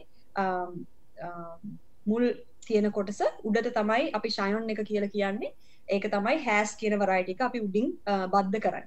නමුත් මේ යට තියෙන කොටස රූට් ස්ටොක් එක කියන කොටස ඇත්තටම මේ තමයි ලොකු දෙයක් කරන්නේ මේ ගහේ තියෙන කොච්චර ගෙඩි ප්‍රමාණයක් එක හදනවද ඒක තියෙන කොලිටිය එකයි සියලු දේ රඳා පවතින මේ යට තියෙන මුල් තියෙන කොටසේ. ඉතින් එකට අපි කියන රූට් ස්ටොක් එකකින් ඉතින් මේ රූට් ස්ටොක් එක කියන එක ප්‍රොපගේට් කරන විදිිය. අපි කොහොමද අපි එක මුල් අද්දලා කටින් එකක් විදිර ගන්න එක?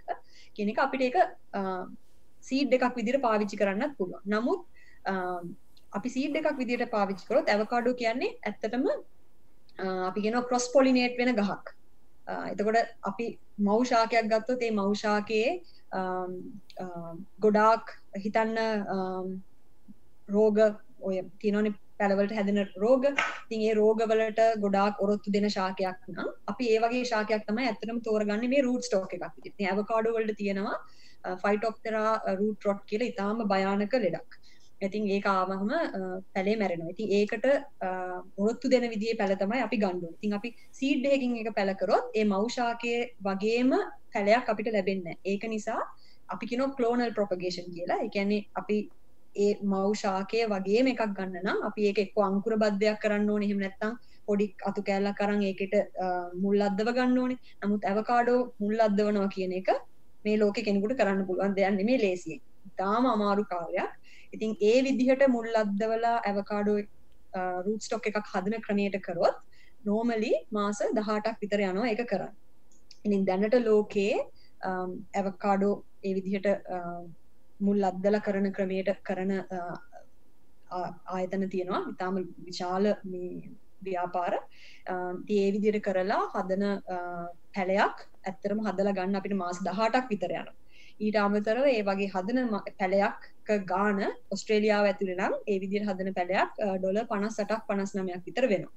ඉතිං ලොකූ ගානක් වැය කරනවා ඒ එකට ඊට අමතරව ලොකුම ප්‍රශ්නය තමයි ඒ විදියට හදන පැල අපිට ගන්න ඕනෙන ඔයා අද ගිහිල්ලා ඒ වගේ කම්පනියකට ගිහිල්ලා අපි කිවොත්තෙම මට පැළ දහදාහක් දෙන්න කියලා ඔයාට ඒ පැලටික ලැබෙන්නේ තව අවුරුදු හයකි ඉතින් ඒ වගේ ලොකු මේ හිඟයක් තියෙනවා මේ පැළ හදන එක. ඉති ඒ ඒ ඇවිල්ලා ඒ අපි පාවිච්චි කරන පරණ ක්‍රමය නිසා. ඉතින් මට දීපු මේ ඔක්කොම මේ මිනිසුන්ට මේ ටෝස්ටල්ට ගන්නත මේ ඒක තමයි. ඉතාම වටින ආහාරයක් අපි හෙම ඇත්තරම් කියනනම් මේ ඇවකාඩෝ කියන එක ඉතාම හොඳ හොඳම හොඳ ආහාරයක්. ඒක සියලුම නිව් කෑපි සාමාන්‍ය ආහාර වේලක තියෙනවන සියලුම පෝෂක ද්‍රව්‍යටික ඒකත් තියෙනවා. ඊට අමතරව කැලරි ඉතාම ලොකු ප්‍රමාණයකුත් තියෙන අපිට අවශ්‍ය කරන හර්දයට හොඳ කියන අපි කියනවන ගුඩ් ෆැක්ස් කියලා. ඒ වගේ හොඳ ෆැක්ස් තියෙන ඉතින් ඊට අමතරව ඇවකාඩෝ කෑවහම අපිට කණ්ඩ ඕන අවශ්‍ය ප්‍රමාණය අඩුවෙනවා අපිට අපිකට කියන සැටයිටි කියලා. අපි මේ කණ්ඩ අවශ්‍යතාවය වෙන ප්‍රමාණය අපිට ප්‍රමාණය අඩු වෙන එතකට එඩෙන් අපි කණ ප්‍රමාණය ටික අඩු වෙන හිමුණහම අපි ඇත්තනම මේ නිරෝගී වෙනවා කියලා තමයි ගොඩක් වෙලාවට මේ ගොඩක් පරීක්ෂණ පත්‍රිකාවල තියෙනෙ තාම මේ එකයි මිනිස්සු ගොඩාරයක් ඇවකාඩෝ කණ්ඩ ආසාාවෙන් ඉන්නේ. ඉතින් මේ ඒතින් මගේ රිසර්ච් කස්ටන් එක මගේ PhD එකේ තමයි පටක රෝපණය පාවිච්චි කරලා කොහොමද අපි මේ ඇවකාඩෝ ප්ලාන්ස් හදාගන්න කියන ඉතිං අවුරුදු පණහකට වැඩි කාලයක් ලෝකයේ රිසර්ච් කරලා තියෙනවා. කවදාවත් කිසි කෙනෙකුට ඒක කමර්ශල් මට්ටමට ගේන තරමට හදාගන්න බැරි වෙලා තියෙනවා. නමුත් ලෝකයේ ප්‍රථම වතාවට මගේ PhD එකේදී මම මේ කමර්ශල් කමර්ශලයිසේෂන් ලෙවල් එකට ගන්න පුළුවන් විදිහට පටක රෝපණ තාක්ෂණය ඩිවලප් කරා ඇවකාඩුවලට ඉන් ඒ වෙනුවෙන් තමයි මට මේ මගේ ආචාරය උපාදී ලැබ ප්‍රෙස්පෙක්ටක් ඒක නං මට මට නිකං මාත් පිස් සුඩන් කෙනෙක් ඉතින් මන් තාම දන්න මේක මේ ගුහාාව කෙලවරට මගේ නොවද නැද්ද කියලා. බයි අක්කට මේ වගේ දෙයක් ඇති මට ඇත්තට හරිම සන්තෝසයි. කියන්නේ මට තේරෙනවා මේ කොච්චර මහන්සියලා උතන්ට එනවාද කියන එක. ඔයක ඇත්තටම මේ මං කැනෙ පටක රෝපණය කියැනෙ හරීම we have to put our heart and soul in it I would say. ඉතාම මේ අමාරු දෙයක්. මොකද පටක රෝපණයේදී අපි පාවිච්චි කරන්නේ ජීවියෙක්ගේ ඕනම සෛලයක තියෙනව හැකියාවක් තනි පුද්ගලයෙක් බවට පත් වෙනවා මම හිතන් කියන්නේ ඔයාගේ මම පොඩි සෛල කෑල්ලක් අරගෙන ටෙක්නිකලි ගත්තොත් තියරිටිකලි ගත්තොත් අපිට ඒක මේ අවශ්‍ය කරන කන්ඩිෂන්ස් ටික දුන්නොත් අවශ්‍ය කරන uh, um, uh, අවශ්‍ය කරන අපි හිතන්න එක එක රසායනික ද්‍රව්‍ය ටිකයි uh, ආලෝකය උෂ්ණත්වය ඒ වගේ දේවල් අපි දුන්නොත් අපිට පුළුවන් මේ පුංචි සෛලය ඔයා බවට පත් කරන්න. එක සෛලයක්. ඉතින් එන්න ඒ හැකියාව තමයි අපි මේ පටක රෝපණයේදී පාවිච්චි කරන්නේ. ඉතින් ඒක ලේසි දෙයක් නෙමෙයි. මොකද පොඩි සෛල කෑලි ටිකක් අරගෙන ඒ සෛලයකින් ගහක් හදනවා කියන එක තනි ගහක් හදනවා කියන එක ඉතාම අමාරු දෙයක්. ඉතින් ලෝකෙ ගොඩාක් පරීක්ෂණ කරලා තියෙනවා ගොඩක් වෙලාවට මේ වුඩි ප්ලාන්ට්ස් එහෙම නැත්නම් මේ කියන්නේ අපි අපි කියන්නේ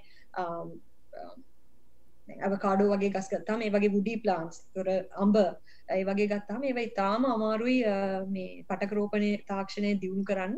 ඉතින් මං හදපු මේ ටෙක්නෝලොජි එකේ අපි ගත්තොත් එහෙම පුංචි මං කිව්වොත් එහෙම පොඩි බඩ් එකක් ගත්තොත් අවකාඩෝ වලින් ඒ බඩ් එක බඩ් එකකින් අපිට පැල 500කට වැඩි ප්‍රමාණයක් හදන්න පුළුවන්. එතකොට ඊටාම කියන්නේ මං ඒකට කියන්නේ කියන්නේ ආයතනයක් විදිහට පවත්වාගෙන යන්න ඕන නම් මං කියන එක ඇත්තටම ප්‍රායෝගිකව ඉතාම හොඳ ක්‍රමයක් පැල නිෂ්පාදනය කරන්න අවශ්‍ය කරන ලොකු වොලියුම්ස් වලට. කියල වැඩක් නෑකේ එකන්නේ මේ මන සෑහෙන්න මේ ඉම්ප්‍රෙස්ට් මේ අක කරපු දේට සුබ පැතු ඇත්තමයි මේ එකන්න මට මේ වගේ සයින්ටිස් කෙනෙක් එන එක මේ සෑහැන්න ලොකු එකන්න මේ ප්‍රිවිලෙජ්ජයක් මේ අකේ දැන් මෙතනින් පස්සේ දාක්කේ මේ පක්කගේ බිස්නස් එක පටන් ගන්න හදන්නේ? දැන් කිව්වනේ මගේ මං PhD කරන්න ගත්තාම පළවෙනිම හේතුව තමයි මගේ මේ ඔළුවේ පිටිපස්සේ තිබිච්ච මේ තමන්ගේම ව්‍යාපාරයක් පටන් ගැනීමේ අදහස. ඉතින් ඒක නිසා තමයි මම ඇත්තටම මේ PhD එක තාම ආසාවෙන් අවුරුදු දෙකක වයසක පොඩි දරුවෙක් එක්ක තාම අපහසු දෙයක් අපි කියනවා PhD එකක් කියලා කියන්නේ 365 days 24 hours job එකක්. අපිට නින්දක් නෑ. අපි හැමතිස්සෙම ගොඩක් වෙලාවට මනසින් අපි අපේ PhD එක ගැනමයි හිතන්නේ මොකනාද පරීක්ෂණය? පරීක්ෂණය රිසල්ස් කොහොම වෙයිද? ඒන දත්ත කොහොමද අපි වැඩ කරන්නේ? දැන් මගේ මගේ උපාදිය ගත්තහම ඒක ඊටත් වඩා වෙනස්. මොකද මට එලියට දෙන්න ඕන ප්‍රොඩක්ට් එකක්. කැනෙ දත්ත නෙමෙයි. මගේ PhD එකේ දත්ත නෙමෙයි වැදගත්තුනේ ඇත්තනම කොහොමද මේක ලොකු ප්‍රමාණයක් පැළ හදන්නේ? මේක ඉන්ඩස්ට්‍රිය එකකට ෆීසිබල් විදිහට. කොහොමද මේක එඩියට දාන්න කියන එක තමයි එක එක එක නෝමලි එන PhD එකට එහා ගියපු චැලෙන්ජ එකක් ඇත්තර මම හිතන විදියට. ඉතිං ඒක ඉතාම මේ බැරෑරුම් කාර්යක් වුණා කරන්න. නමුත් මං ඉතාම සතුටෙක් ඒක කරේ. මොකද මගේ හිතේ පිටිපස්ස තිබ්බේ මම මේ කරන්නේ මගේ ඉදිරියට මං කරන්න හිතාගෙන ඉන්න මගේ ව්‍යාපාර කටයුතු වලට අවශ්‍ය කරන අඩිතාලම දාන එක කියලා. මොකද මං හිතන්නේ මං මේ University of Queensland වල ඉගෙන මට මගේ ආචාර්ය උපාධිය හදාරන්න ලැබීම ලොකු භාගයක්. මොකද අපිට ලොකු ගොඩාරියක් මොනවද ඒකට කියන්නේ අපි සයින්ටිෆික් නෙට්වර්ක් එකක් හදාගන්න අපේ සයින්ටිස් ලගේ නෙට්වර්ක් එකක් තියෙන ඉතින් um, ඒ අවස්ථාවට ලැබුණ. මට ලෝකෙ පුරා ගොඩාක් රටවල්වලට යන්න අවස්ථාව ලැබුණා. මගේ ක්ෂේත්‍රයේ ඉන්න um, දැවන්ත යෝධයෝ වගේ um, uh, විද්‍යාඥයන්ට හම්බෙන්ඩ අවස්ථාව ලැබිලා තියෙනවා. ගොඩාක් කතා කරන්න අවස්ථාව ලැබිලා තිනවා ඒගොල්ලන්ගෙන් මගේ ඉදිරියට මගේ තියෙන ටාගට්වලට ගෝල්ස්වලට අවශ්‍ය කරන උපදෙස් ලබාගන්න අවස්ථාව ලැබිලා තියෙනවා. ඉතින් ඒක තමයි මහිතනේ ලොක්කුම දේ මට ලැබිච්ච PhD එකෙන් සහ ඒ අවශ්‍ය කරන ස්කිල්ස් ඇත්තටම මේ ව්‍යාපාරයක් කරනවා කියන එක හරිම මට ව්‍යාපාරයක පසුබිමක් නෑ. මගේ අම්මට තාත්තර ව්‍යාපාරයක් තිබිලා නෑ. මම දන්න කෙනෙකුට එහෙම තිබිලා නෑ මගේ මට ගොඩක් උපදෙස් ගන්න. නමුත් ඒක වෙනමම දෙයක් විදියට මම දකින්න. කියන්නේ හරිම එකට ගොඩාක් මං එක මෙහෙම කිවොත් අපිට ගොඩාරියක් චැලෙන්ජර්ස් එනවා. සහ අපේ දැනුම් දැනුමේ පරිපූර්ණ නැති බව අපිට පුන පුනා ඒත්තු ගන්නල දෙන දෙයක් තමයි ව්‍යාපාරයක් කියන්න. එනේ මම දැන් මම හිතුවට මම හැමදේම මේ ගැන දන්නවා කියලා මම දන්න දෙයක් නෑ කියලා අපිට ඒත්තු ගන්න දෙයක් තමයි ව්‍යාපාරයක් කියන්නේ. මොකද ඒකේදී එන ප්‍රශ්න අපි කවදාවත් හිතන ප්‍රශ්න නෙමෙයි ඒක අපිට කවදාවත් අට පහ ජොබ් එකක් කරද්දිවත් අපි ස්ටුඩන්ට් කෙනෙක් විදිහට ඉඳද්දිවත් ලැබෙන චැලෙන්ජ් එකට වැඩිය ගොඩාක් වෙනස්. ඉතින් මම හිතන්නේ ඒ අඩිතාලම මම දාගත්තා PhD එක කිරීමෙන් ටිකක් හරි අවශ්‍ය කරන මේ මගේකට කියන බැග්‍රවන්් එක හදාගත්තා එක කරලා. මට මට කියන්න අක් කියනක තේරෙන මොක දර අස්ථාවරත්වය කියන්නේ හරිම සාධාරණ දෙයක්නේ PhD ජීවිතයේදී ඔව් ඒක තමයි. කැන අපි අපි ඒකෙදි පුරුදු වෙනවා කැනෙ මට උදාහරණයක් මම කිව්වොත් මට මගේ PhD එක කාලෙදි මට ලැබ්බුක්ස් දහයක් පාවිච්චි කර. අවුදු තුනා මාරයි මට PhD එක කරන්න ගිය. අවුරුදු තුනකින් වගේ මං ඉවර කරා PhD එක. නමුත් අවසාන මාස අයේ ලියනවා. මං ගොඩක් කොන්ෆරන්ස් වලට එහෙම සහභාගී වෙච්ච නිසා. ඉතින් අවුරුදු තුනකින් වගේ තමයි ඉවර කරේ. ඒ මං ඒ ගත්ත මගේ ලැබ් නෝට් බුක්ස් 10 ගත්තොත් ඒ 10න් පිටු පහක වගේ තමයි තියෙන්නේ පොසිටිව් රිසල්ට්ස් අනිත් සියල්ලම තියෙන්නේ නෙගටිව් රිසල්ට්ස් ඉතින් ඒකම දරා ගැනීම ලොකු දෙයක් මම හිතන ඒක තමයි අපිට මේ අවශ්‍ය වෙන්නේ ඉදිරියට අපිට එන්න ලොකු බාධකවලට මූුණ දෙන්න. මොකද PhD එකක් කියන්නේ කොයි වෙලාකවත් හැමතිස්සෙම පොස්ටීව් රිසල්ස් හැදන එක නෙමේ නමුත් මං කියන්න මේ පොස්ටීව් රිසල්ස් හැමෝටම ලැබෙනවා. නමුත් එක දිගටම එක දිගටම අවුරුදු ගණන් නෙගටීම් රිසල්ස් ලැබෙනකොට ඒ අවශ්‍ය පේස් එක අවශ්‍ය කරන වේගය තියාගන්න එක ක්ලේසි දෙයක් නෙමේ ඉතින් ඒක ඒක ලොකු පන්නරයක් ඇත්තනම අපිට ඉදිරි ජීවිතය එන ලොකු බාධකවලට මුණ දෙ මං හිතනවා ඒක මං මහිතන මාව එක ගොඩාක් ශක්තිමත් කරා. මගේ PhD එක මා ඉදිරිය ඉදිරියේදි මේ මගේ එන්ට්‍රප්‍රනෝ ෆේස් එකේ තියෙන ඒ බාධක ජයගන්න තවමත් මම ඒ වගේ හරිම මේ ඉවසිලිවන්තව ඉන්නවා. හොඳ දෙයක් වෙයි කියලා හිතාගෙන. තැන්ක්සක්ක මේක මේ මට සෑහෙන වැදගත් උපදෙසක්වා දුන්නේ. දැන් අකේ අපි දැන් ඉන්න අක්කගේ ලයිෆ් ස්ටෝරිය එකේ PhD එක ඉවර කරපු ස්ටේජ් එකේ. දැන් මට දැනගන්න ඕනයක්කේ මොක දක්ක ව්‍යවසායකෙක්. මේ ඔක්කොම වැඩවලට අමතරව. මේ කම්පනය එකේ උපත කොහොමද මේකට අයිඩියකාව අපි ඒ ගැන කතා කරු දැන් මම ඔයාලට කිව්වනේ මම මගේ කම්පැනි එකේ එහෙම නැත්නම් මගේ ටිෂු කල්චර් ලැබ් එකේ ස්කෙච් එක ඇන්දේ 2011 2011 මම ඒ මං ඒ කාලේ වැඩ කරපු කම්පැනි එකෙන් අයින් වෙද්දි තමයි මම ඒ ස්කෙච් එක ඇන්දේ. එතකොට ඒ ස්කෙච් එක මගේ මනසේ තිබුණා ගොඩ කාලයක්. එතකොට මම වැඩ කරේම ඒ ගෝල් එකට. ඒක තමයි මගේ ගෝල් එක තිබ්බේ. ෆයිනලි Um, දෙදස් um, දහනමය uh, ජූඩි මාසේ uh, මං පටන් ගත්තා මගේ කම්පනි එක.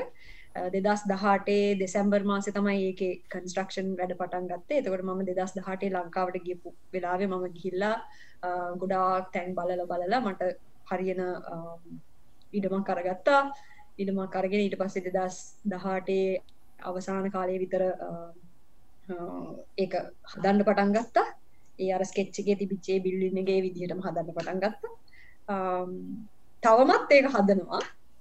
තවම සම්පූර්ණයෙන් ගැන ඒක මම හැදුව ඇතරම තට්ටු දෙකේ බිල්ලින එකක් විදිහට. මොකද උඩ තට්ටුව ඔෆිස් කාර්යාලයක් විදිර පාවිචි කරන්න පල්හ තටුව ලැබොට්‍රිය එකක් විදිර පාවිචි කරන්න ඉතින් මංකිවන මම මධ්‍යම පාන්තික කෙනෙක්. ඉතිං මගේ ගාවල හූ සල්ලි තිබුන්නෑ නමුත් මගේ හස්බන් හරිම ජෙනරස් එයා මගේ ඩ්‍රීම් එක එයාගේ ඩ්‍රීම් එක කරගත්තා. ඉතින් යාමට ලොකු සපෝට් එකක් දීලා ලොකු සල්ලි ගානක් ඉන්වෙස් කරලා අපි අපි ඇත්තරම මහන්සියෙන් හම්බ කරපු සල්ලි ඉතුරු කරලා අපි ඇත්තරම හදල ඉවර කරලා බිල්ඩින හදල ඉවර කළ ගිය අවුරුද්දේ ජුලි මාසේ දාහත් වෙනිද මගේ උපන්දිනයට දවස් තුනකට ඉස්සෙල්ලා ඇත්තර මේක විවෘත කර. විවෘත කරලා මුලින්ම වැඩ පටන් ගත්ත. දැන් ඇත්තරම තුන් දෙනෙක් වැඩ කරනවා මේ මගේ කම්පනි එක. ඇතරම හතර දෙනෙක් වැඩ කරනවා. එක්කෙනෙක් පාටයිම් විදිර වැඩ කරන්න. ඉතිං ප්‍රොජෙක්ස් දැනට මට තුනක් ලැබිල තියෙනවා වැඩ කරන්න. මම එක එක වර්ගවල පැල වලට ප්‍රොජෙක්ස් මට ඇවිල තියෙනවා. සමහර ලොකු කම්පනීස් එකත්මට ප්‍රොජෙක්් එකක් තියෙනවා ඉතිං සහ ඔස්ට්‍රේලියාව සම්බන්ධ කරගෙන මෙහෙ මෙහෙ ඉන්න පාට්ට කෙනෙක් කොටත් මට ප්‍රොජෙක්් එකක් ලැබිල තියෙන ඉතින් තවම සත පහක්වත් උපේලා නැහැ මගේ කම්පනියක මොකද ටිෂු කල්ජ කියන්නේ ඇත්තටම සල්ලි උපයන්න ටිකක් කාලයක් ගත වෙන ක්ෂේත්‍රයක්. ඉතිං ඒ වගේ කම්පනික පටන් ගන්නකොට අපි හැමතිස්සම දැනගෙන ඉන්ඩෝනේ අපිට අවුරුද්දක් එක අමාරක් යනකම් මොකක්වත් කරන්න හම්බ වෙන්න පැල මුලින් පටන්ගෙන හදලා අවශ්‍ය කරන ප්‍රමාණය හදලා ඒ දේවල් ඔක්කොම කරන්න එකක් කාලයක් යනවා. ඉතින් ඒකට ඉතාම ඩෑස්ති වෙලා තමයි මම පටන්ගත්තේ මං වට කිව වගේ මම ඉන්න නවු් ටිෂු කල්ජ ගැන ටිෂු කල්ජ බිස්නසෙක් ගැන හුඟක් ස්ටඩී කල තිනවා.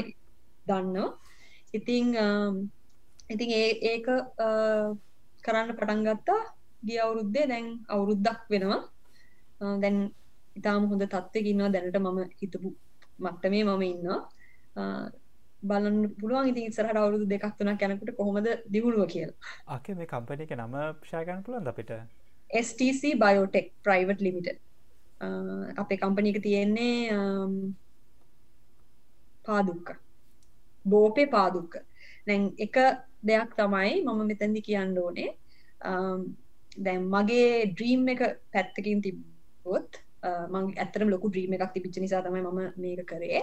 ඊට අමතරව මම දැන් ඉන්න තත්ත්වය මගේ මෙහ තියෙන මගේ පෝස් ඩොක් එක මං ඉතාම සතුටෙන් ඉන්න සයින්ටිස් කෙන මට කිසිම ප්‍රශ්නයක් නෑ.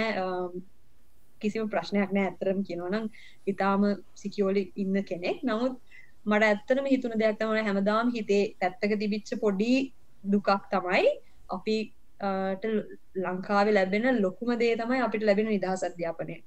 ඉතිං මේ අපි මට නිදහස් අධ්‍යාපනය නොලැබුණා නම් මං කවදාවත් මේ තැනට එන්න මට කවදාවත් අවස්ථාවක් ලැබෙන්න තින් මේ මම හරීම ඒක ගැන ඇමතිස්සම හිතන කෙනෙක්. මං ලංකාවෙන් එලියට බැහැල එද්දිත් මට හුඟාක් හිතර බද දුන්න දෙයක් තමයි මම ලංකාවේ නිදහස් අධ්‍යාපනය හදාරලා වෙන රටකට ගිහිල්ල ජීවත් වෙනකොට මගේ තියෙන තියෙන හැකියාවෙන් ප්‍රයෝජනය ගන්නේ පිට රටක කෙනෙක්. තිං මන්දන්න එක ලෝකයක් විදිර ගත්තාම ඒක අපි එකම එකම ඉම්පෙක්් එක තමයි අපි ඇති කරන්න කියලා. නමුත් මම ඇත්තටම හැමතිස්සම හිතන දෙයක් තමයි හැම කෙනාගෙම මුදල්වලින් ඉගෙන ගත්තාය අපි. මම මගේ මහත්තයා එතකොට අපි හැමෝම තියෙනවා නේ පොඩි නයක් පොඩි නෙමේ එතරම ලොකු නයක් තියෙනවා අපේ රට වෙන්නේ ඉති ඒක නිසා තමයි ඒක නොම්බර දෙක මම ඒ කම්පනීක පටන්ගන්න මොකද මට අවශ්‍යතාවයක් ඇති වුණා. මං ගත්ත දැනුම ලංකාවට ලබා දෙන්න ඕනේ. සහ ඒ ඒ මං ගත්ත දැනුම නිසා සහ මගේ මං කරන වැඩවලින් රැකියා කීපයක් ඇති කරන්න.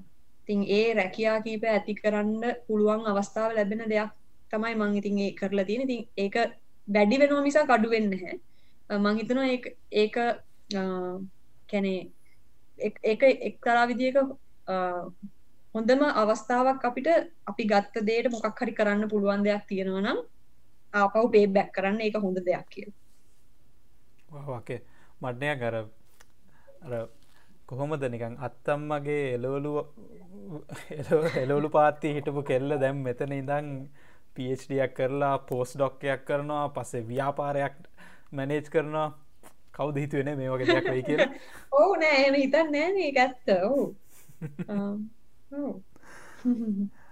තැංකක මේක ෂය කරට. මේ අකේ දැන් මේ වගේ කම්පනිකක් ලංකාවේ පටන්ගන්නවා කියන්නේ ලේසි දෙයක් නෙමෙයි.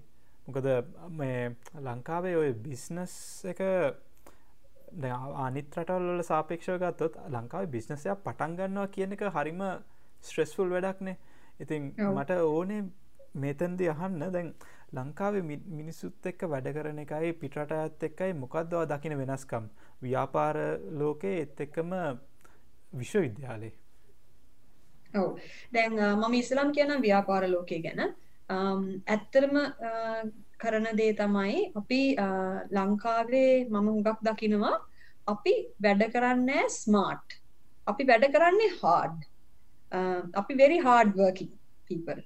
Uh, නමුත් අපි ඇත්තටම අපේ කාලය uh, කළමනාකරණය ගත්තත් එතකොට අපි කරන අපි කරන වැඩේ අපේ ප්‍රඩක්ටිවිටිය එක කොහොමද වැඩ වැඩි කරගන්න කියන දේවල් එක ගත්තත් සහ අපේ ෆ්ලෙක්සිබිලිටිය එක ගත්ත දැන් අපිට කොයි වෙලාවකත් අවස්ථාවක් නෑ. ගොඩාක් ලංකාවේ තියෙන ආයතනවල අපිට අවශ්‍ය වෙලාවට එන්න අවශ්‍ය වෙලාවට යන්න. මං හිතන්නේ ඒ වගේ තියෙන ඒ ඒ තියෙන රාමුව ඇතුළේ අපි ගොඩාක් කොටු වෙලා ගොඩාක් ආතතියකින් වැඩ කරන සමාජයක් තමයි ලංකාවේ ගොඩාක් වෙලාවට තියෙන්නේ. නමුත් අපි ගත්තොත් මේ වගේ රටක ගොඩක් වෙලාවට අපිට අපේ ඉන්න අපේ මැනේජර් එක්ක වුණත් අපේ කළමනාකාරයා එක්ක වුණත් අපේ සුපර්වයිසර්ස් එක්ක වුණත් අපිට කතා කරලා අපිට ඒ කරන වැඩේ පහසුවෙන් කරන්න සහ අපිට පහසු විදියට කරන්න හැබැයි ඒ වෙන්ඩ අවශ්‍ය කරන රාජකාරී ඒ විදිහටම වෙන විදිහට වැඩ සකසා ගන්න ලොකු අවස්ථාවක් තියෙනවා මේ වගේ රටක වැඩ කරද්දි. දැන් මං උදාහරණයක් විදිහට ගත්තොත් දැන් මට වයස අවුරුදු 7ක දුවෙක් ඉන්නවා දැන්. ඉතින් මගේ දුවගේ මට හිතුණා එයාගේ හවස එයාට තියෙනවා නම් මොන හරි නැටුම් පන්තියක් හරි සංගීත පන්තියක් හරි. මට පුළුවන් පැය 3-4ක් කලින් මගේ සේවයට වාර්තා කරලා ඒ පැය 3-4 හවස්වරුවෙන් නිදහස් කරගන්න. එහෙම කරාම මගේ වැඩෙත් වෙනවා. මම ආසාවෙනුත් වැඩ කරනවා. මගේ දරුවගේ වැඩෙත් වෙනවා. එහෙම කරාම අපි ඇත්තටම සතුටෙන් ජීවත් වෙනවා. නමුත් මට හැමතිස්සෙම හිතුනොත් එහෙම නෑ මට සති අන්තයේ විතරයි මගේ දරුවට පන්තියකට මාව දාන්න. ඒ කියන්නේ එයාට කරන්න ඕනේ මොන හරි ස්පෝට් එකක් හරි එහෙම නැත්නම් ඩාන්සින් වගේ දෙයක් හරි කරන්න ඕන නම් ඒ දෙයට මට වෙලාවක් වෙන් කරගන්න වෙන්නේ නැහැ සතියේ මට මේ වගේ අවස්ථාවක් තිබුණ තිබුණ නැත්තම් මේ වැඩ කරන ස්ථානයේ. ඉතින් ඒ වගේ දේවල් එකක්. අනිත් එක තමයි ලංකාවේ දකින ලොකුම දේ තමයි අපේ හරි ලොකු පරතරයක් තියෙනවා. අපේ තියෙන එක එක වැඩ කරන ලෙවල්ස් ගත්තාම අපි රීදුරු මහත්තයෙකුට කතා කරන විදිහ අපිගේ අපේ වැඩ කරන ස්ථානයේ ඉන්න තේ හදන එක්කෙනාට කතා කරන විදිය සහ අස්පස් කරන එක්කෙනාට කතා කරන විදිහේ ටෝන් එක සහ අපි අපේ බෝස්ට කතා කරන ටෝන් එක ලොකු වෙනසක් තියෙනවා. ඒ වෙනස තියෙන අවශ්‍යතාවයක් නෑ. මොකද අපි හුඟක් වෙලාවට වැඩ කරන්නේ එකම ටෝන් එකෙන් තමයි අපි කතා කරන්න ඕනේ දෙදෙනාට. දෙදෙනාම කරන්නේ යම්කිසි රස්සාවක්. ඉතින් ඒකත් මම දකිනවා අපේ ව්‍යාපාරවල එහෙම නැත්නම් අපේ තියෙන ඉන්ඩස්ට්‍රීස් වල දියුණුවට ලොකු බාධාවක්. මොකද අපි හැමතිස්සෙම කෙනෙකුට කෙනෙක් තමන්ගේ යුනිෆෝම් එක ගැලවුවට පස්සේ ඉංජිනේරුවරයෙක්ද දොස්තර මහත්තයෙක්ද කියන එක ඒක එච්චර අදාළ වෙන දෙයක් නෙමෙයි. ඊළඟට මම ගත්තොත් එහෙම විශ්වවිද්‍යාල ක්ෂේත්‍රයේ මම ගත්තොත් සහ ගුරුවරුන්ගේ ගත්තොත් මම හිතනවා අපි ගුරුවරු ගුරුවරු සහ ශිෂ්‍යාවුන් අතර තියෙන පරතරය ගොඩාක් වැඩි. ඒක තව අපි අඩු කරන්න ඕනේ. ගුරුවරු ගොඩාක් වෙලාවට දරුවන්ට යාළුවෝ විදිහට වැඩ කරන්න ඕනේ. දැන් මම පොඩි උදාහරණයක් ගන්නම් මගේ දුවගේ ඉස්කෝලේ සමහර වෙලාවට ඉන්න ගුරුවරු ලස්සන එක එක විකාරය වර්ගේ ඇඳුම් ඇඳගෙන එගොලෝ ළමයි එක්ක සෙල්ලං කරනවා නටනවා ඒ වගේ දේවල් කරනවා. ඒව කරන්නේ ළමයි එක තියෙන පරතරය අඩු කරන්න. මොකද ළමෙක් බයවෙන්ඩ බයවෙන්ඩ අපි කතා කරන්නේ අපි බය නොවී අපි හරි යහළුවෙක් විදිට ඉන්නවන අපි ඕන දෙයක් කතා කරනවා අපිට එන ඕන දෙකට අපි ආගිව් කරනවා එහෙම කරහම අපේ දැනුම වර්ධනය වෙන අපි ප්‍රශ්නාහනවා අපි තියෙන ප්‍රශ්න නිරාකරණය කරගන්න ප්‍රශ්න සාකච්ඡා කරනවා.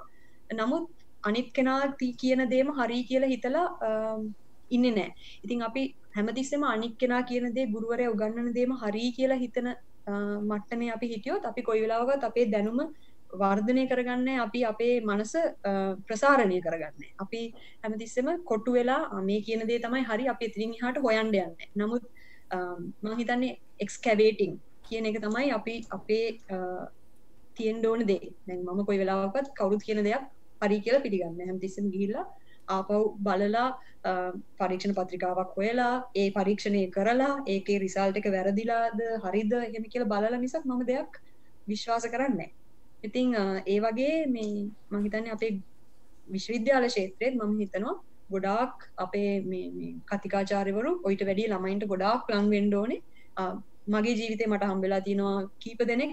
මාව ගොඩාක් මෙන්ට කරලා තියෙනවා අය. දැම් උදාහරණයක් විදියට මට PhD එක ලැබිච්ච දවසේ මගේ සුපවයිස මාව බදාගෙන ඉම්බා. එක හරිම හොඳ පීලිං එකක්. ගැනේ මං හිතන්නේ අපේ යුනිවසිටියක කවදාවත්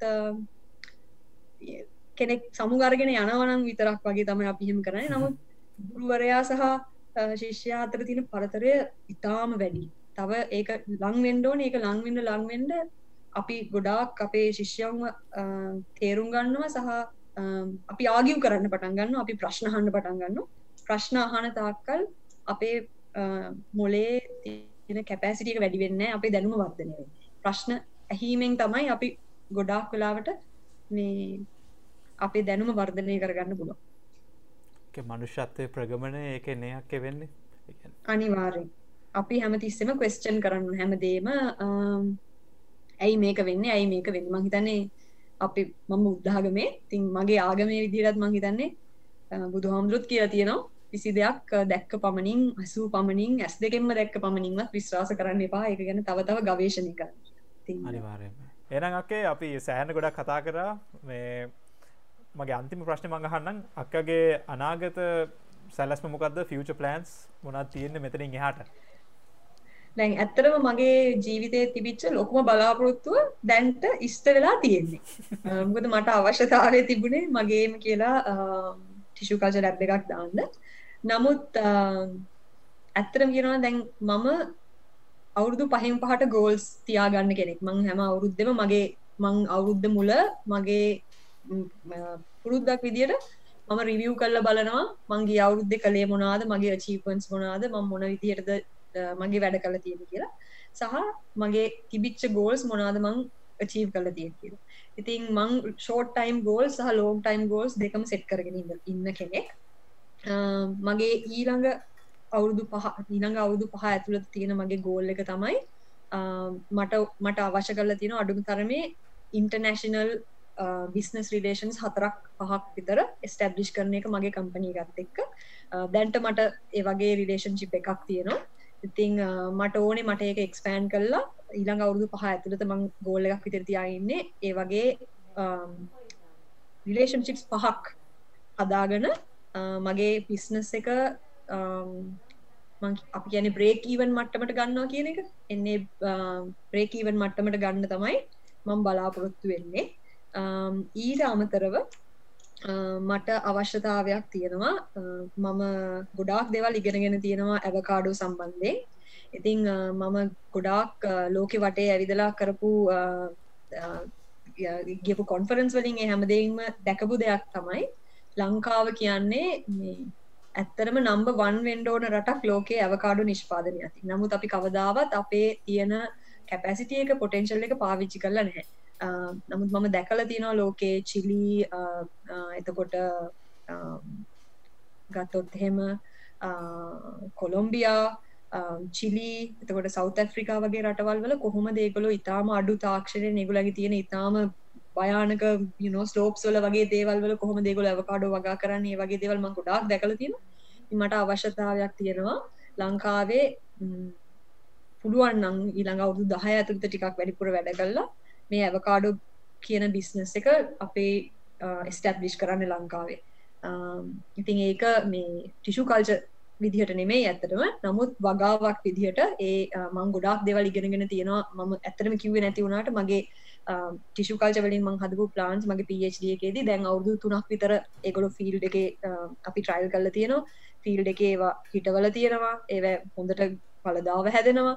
ඉතිං ඒත් එක මම ගොඩාක් මේ ඇග්‍රොනොමි පැත්තේ ගොඩක් දැනුම රැස් කරගෙන තියෙනවා. ඒ දැනුම ගොඩක් ප්‍රයෝජනවත් වෙන්න පුළුවන් ලංකාවට. තිං එක තමයි මගේ ඇත්තටම ඊළඟ අවුරුදු පහ දහයේ ප්ලෑන් එක. අකේ මම මෙච්චර ඉන්ස්පාය වෙච්ච හොස්තාවක් නන්නහැක මං අක්කට ගොඩක් ස්තුති කරනවා මේ අද දීපු වෙලාවට. එත් එක මත ෂයා කරපු දේවල්වලට එත් එක්කම අක්කේ මං වගේ ඉස්රා තියෙන ගෝල්ස්වල්ටයි දැන් තියෙන දේවල්වලටයි සුභ පතනවා. එක එත් එකම ජයන් ජයම ලැබේවා. ආයිබුවන්නක්කේ අයිබුවන් මං අන්තිම වශයෙන් මට කියන්න කැමති මේ පයිඩ ඔයා මේ කරන දේ මං හිතනවා මේ ගොඩක් ප්‍රයෝජනවත් අපේ දැන් ඔයත් දැක්කොත් මගේ මගේ ජීවිතය මම ඉතාම ස්මූද් විදිර ගෙවපු කෙනෙක් නෙමේ නමුත් ෆයිනලි මං ආස කරන තැනට මං ඇවිල තියෙන අවුදු කීපයක කැපකිරීමෙක් මං හිතන්නේ ඒක ගොඩක් ප්‍රයෝජනවත් වෙයි අනික් අයටත්. ගොඩක් ලංකාවන්න ගෑනු ළමයි ගක් දක්ෂයි ගොඩක් ඉගර ගන්න දක්ෂයි. ඒගොලොන් ආස දේවල් කරනවා. නමුත් අපේ ජීවිතයේ එන අනිත් දේවල් එක විවාහය දරුවෝ එක් අපි උගක් කලාවට අපේ ගෝල්ස් වලින් ඇත්තෙන නමුත් හොඳ සහකාරයක් ඉන්නවනම් සහගුලන්ගේ දෙමෝපියන්ගේ යාල්ලුවන්ගේ හැමෝගෙම උදව් තියෙනවා නම් ඒක අමාරු දෙයක් නෙමෙයි. අපිට ඇත්තරම අපි ආස කරන දේ කරන්න අවස්ථාව තියෙනවා. බොහොම ස්තුතියි. බොහොම ස්තුතියි